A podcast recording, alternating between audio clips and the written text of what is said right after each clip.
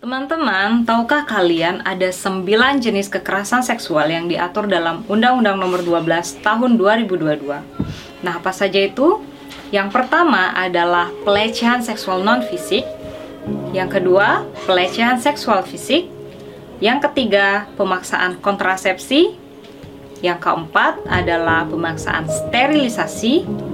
Yang kelima adalah pemaksaan perkawinan. Yang keenam, penyiksaan seksual eksploitasi seksual, perbudakan seksual, dan yang terakhir adalah kekerasan seksual berbasis elektronik.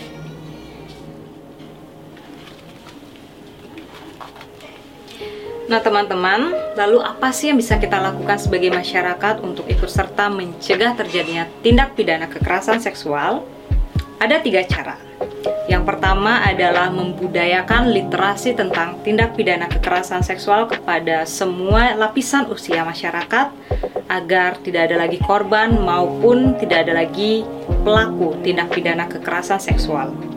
Kemudian yang kedua adalah menyosialisasikan Undang-Undang Tindak Pidana Kekerasan Seksual yaitu Undang-Undang Nomor 12 Tahun 2022 dan yang ketiga adalah tentunya menciptakan kondisi lingkungan yang dapat mencegah terjadinya tindak pidana kekerasan seksual.